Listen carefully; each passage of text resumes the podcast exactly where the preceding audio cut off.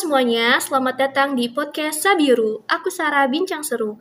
Ketemu lagi bareng aku, Mu'minatu Soliha atau Lili, yang akan menemani kalian di episode keempat ini. Kali ini aku ditemenin sama kakak cantik dan kakak ganteng dari Departemen Sosial Masyarakat, HMPS Kesehatan Masyarakat, UIN Jakarta. Halo Kak Aina dan Kak Zidan, apa kabar? Halo Kak Lili, Alhamdulillah aku baik. Halo Kak, Alhamdulillah baik juga. Kalau Kak Lili sendiri gimana kabarnya Kak? Alhamdulillah, aku juga baik. Boleh nih Kak Zidan dan Kak Aina perkenalan diri dulu ya. Halo semuanya, kenalin nama aku Muhammad Jidan Yusarija, mahasiswa Kesmas UIN Jakarta angkatan 2020 dan sekarang sedang berada di semester 5. Oh iya, untuk peminatanku yaitu peminatan epidemiologi. Salam kenal semuanya. Halo semuanya, namaku Aina Humaira Syakina, mahasiswi Kesehatan Masyarakat UIN Jakarta angkatan 2021. Salam kenal semuanya. Oke, salam kenal nih Kak Aina dan Kak Zidan. Sebelumnya aku mau ucapin dulu terima kasih ya kepada kalian karena udah mau nyempatin waktunya nih untuk nge-podcast bareng aku. Nah, karena kita kedatangan guestnya dari Departemen Sosial Masyarakat, pas banget nih banyak isu yang lagi muncul terkait hal-hal yang berbau sosial akhir-akhir ini. Misalnya bencana gempa yang terjadi di Cianjur, bencana gempa yang terjadi di Garut, terus juga ada erupsi Gunung Semeru, dan sempat ada juga nih isu-isu yang viral terkait bantuan sosial yang diberikan ke masyarakat Cianjur. Gimana nih, Kak Zidan dan Kak Aina tahu nggak berita yang viral itu? Iya kak, mungkin dari yang saya tahu ya, yang ter ya, yang ada di media masa saat ini itu uh, kemarin sempat ramai juga tuh terkait bansos-bansos yang diberikan yang uh, apa ya bentukan bansosnya itu dalam berupa mie gitu loh dan masyarakat ya banyak mengeluhkan terkait hal tersebut gitu. Iya bener banget, aku juga sempat baca sih berita tentang uh, gempa-gempa Cianjur ini. Emang banyak. Salah satunya itu yang tadi udah Kazi dan omongin tentang uh, bantuan yang dikasih mie itu. Mungkin kalau dari kita ya sebagai masyarakat yang mungkin nggak tahu secara langsung kondisinya gimana di Cianjur tersebut, uh, mungkin sikap kita itu harus lebih bijak uh, dalam menerima berita-berita yang mungkin lagi viral ini. Karena nggak semua berita yang lagi viral itu benar apa adanya kayak gitu di lapangan. Jadi uh, karena bisa jadi uh, sebenarnya ada gitu banyak bantuan yang diberikan.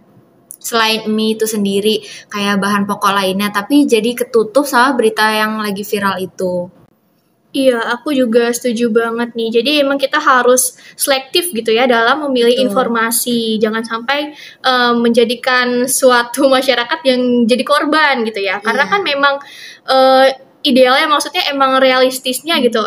Uh, pasti banyak banyak hal gitu yang menjadi faktor risiko emang kalau habis bencana itu kan. Bisa dari airnya mungkin airnya yang kurang bersih gitu kan menyebabkan diare. Terus bisa juga dari uh, sanitasi lingkungannya yang uh, kurang baik gitu kan. Yang karena namanya juga lagi bencana gitu kan kita di tenda bareng-bareng gitu ya. Jadi uh, memang nggak bisa sehigienitas itu gitu. Nah uh, kan menanggapi yang kemarin ya itu yang hal-hal yang kontroversial gitu selama pemberian bansos kemarin gitu. Padahal juga banyak gitu masyarakat Cianjur yang merasa bahwa mereka tuh juga belum rata gitu pembagian bansosnya. Nah, terkait hal ini menurut kalian gimana nih? Oh iya kak, mungkin menurutku ada dua perspektif ya. Kalau dilihat dari perspektif, perspektif warganya sendiri itu sah-sah saja sih jika warganya mengeluhkan terkait uh, bansos yang diberikan dalam berupa mie dan itu banyak sekali gitu kan karena mungkin lebih mereka lebih aware atau lebih sadar terkait kondisi kesehatannya karena ya dengan konsumsi mie yang banyak mereka jadi merasa mengalami sembelit, diare atau radang gitu kan. Kemudian kalau dilihat dari perspektif si pemberi bansosnya ya gak apa-apa juga gitu kan memberikan mie karena secara harga itu mie itu lebih ekonomis kan mie instan dan mungkin lebih mudah dikonsumsi ya gitu. Tapi ya kita harus lebih bijak lagi ya uh, harus memikirkan jangka panjangnya jika uh, mie terus mie ya apa ya jika bansos yang diberikan itu dalam berupa mie yang banyak gitu kak. Ya jadi uh, mungkin uh, apa yang Kak Zidan udah omongin benar. Kita harus selektif juga nih kalau ngasih bantuan. Mungkin emang kalau dari harga uh, mie ini terjangkau banget tapi uh, dari gizinya gitu ya dari korban bencana ini nanti kurang bagus gitu untuk mereka cuman balik lagi jangan terpatok gitu guys sama uh, gimana ya kayak kalaupun emang kita niatnya membantu nggak apa-apa tapi uh, mungkin jangan semuanya mie gitu. Karena kan nanti uh, bisa nimbulin berbagai penyakit juga kan salah satunya bisa jadi sembelit Iya benar, emang harusnya ya idealnya itu lebih bervariasi ya kalau kita dalam memberikan bantuan sosial gitu. Supaya uh, saudara-saudara kita yang mengalami bencana juga itu uh, lebih enak gitu. Maksudnya uh, bervariasi gitu makanan setiap harinya. Jadi nggak itu lagi itu lagi terus. Dan kecukupan gizinya juga bakalan uh, tercukupi gitu kan ya. Hmm. Nah menurut kalian sendiri baksos yang efektif itu seharusnya yang kayak gimana sih? Apa emang ada tips-tipsnya gitu? Biar teman-teman semua tahu nih eh, dan yang mendapat bantuan juga jadi merasa lebih terbantu gitu. Iya kak, jadi kalau menurut aku uh, ketika bencana alam terjadi tuh banyak nih pihak yang tergerak untuk memberikan donasi. Tapi ada beberapa hal yang perlu kita pertimbangkan agar donasi yang kita berikan ini menjadi efektif dan bermanfaat bagi para korban bencana. Yang pertama itu banyak dari kita yang mungkin ingin berdonasi barang dan pangan kepada korban bencana.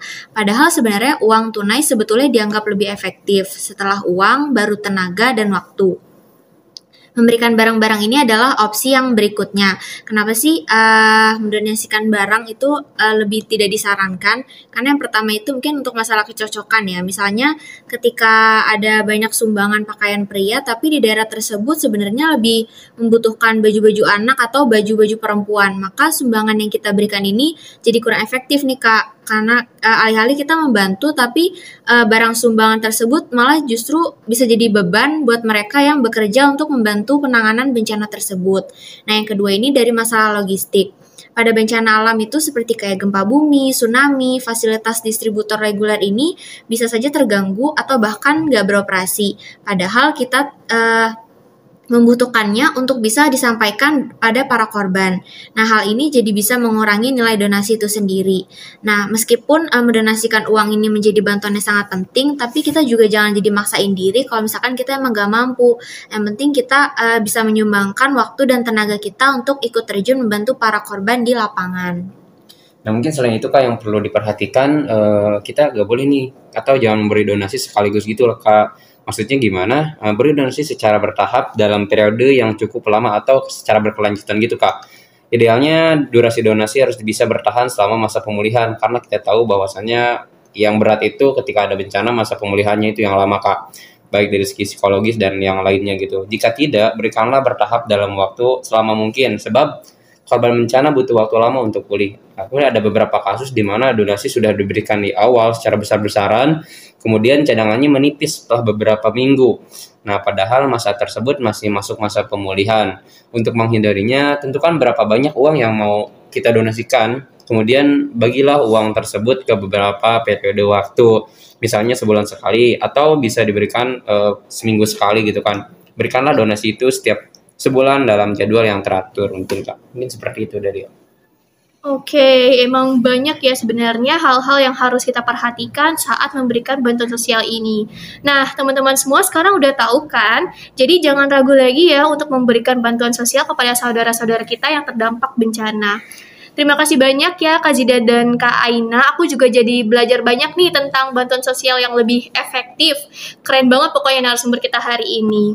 Oke, okay, teman-teman semua, mungkin cukup segitu dulu ya perbincangan kita untuk episode kali ini. Jangan lupa dengerin episode-episode sebelumnya yang gak kalah menarik. Sekian podcast Sabiru episode hari ini. Aku mewakili Kak Zidan serta Kak Aina pamit untuk undur diri. Terima kasih semuanya dan sampai jumpa di episode berikutnya.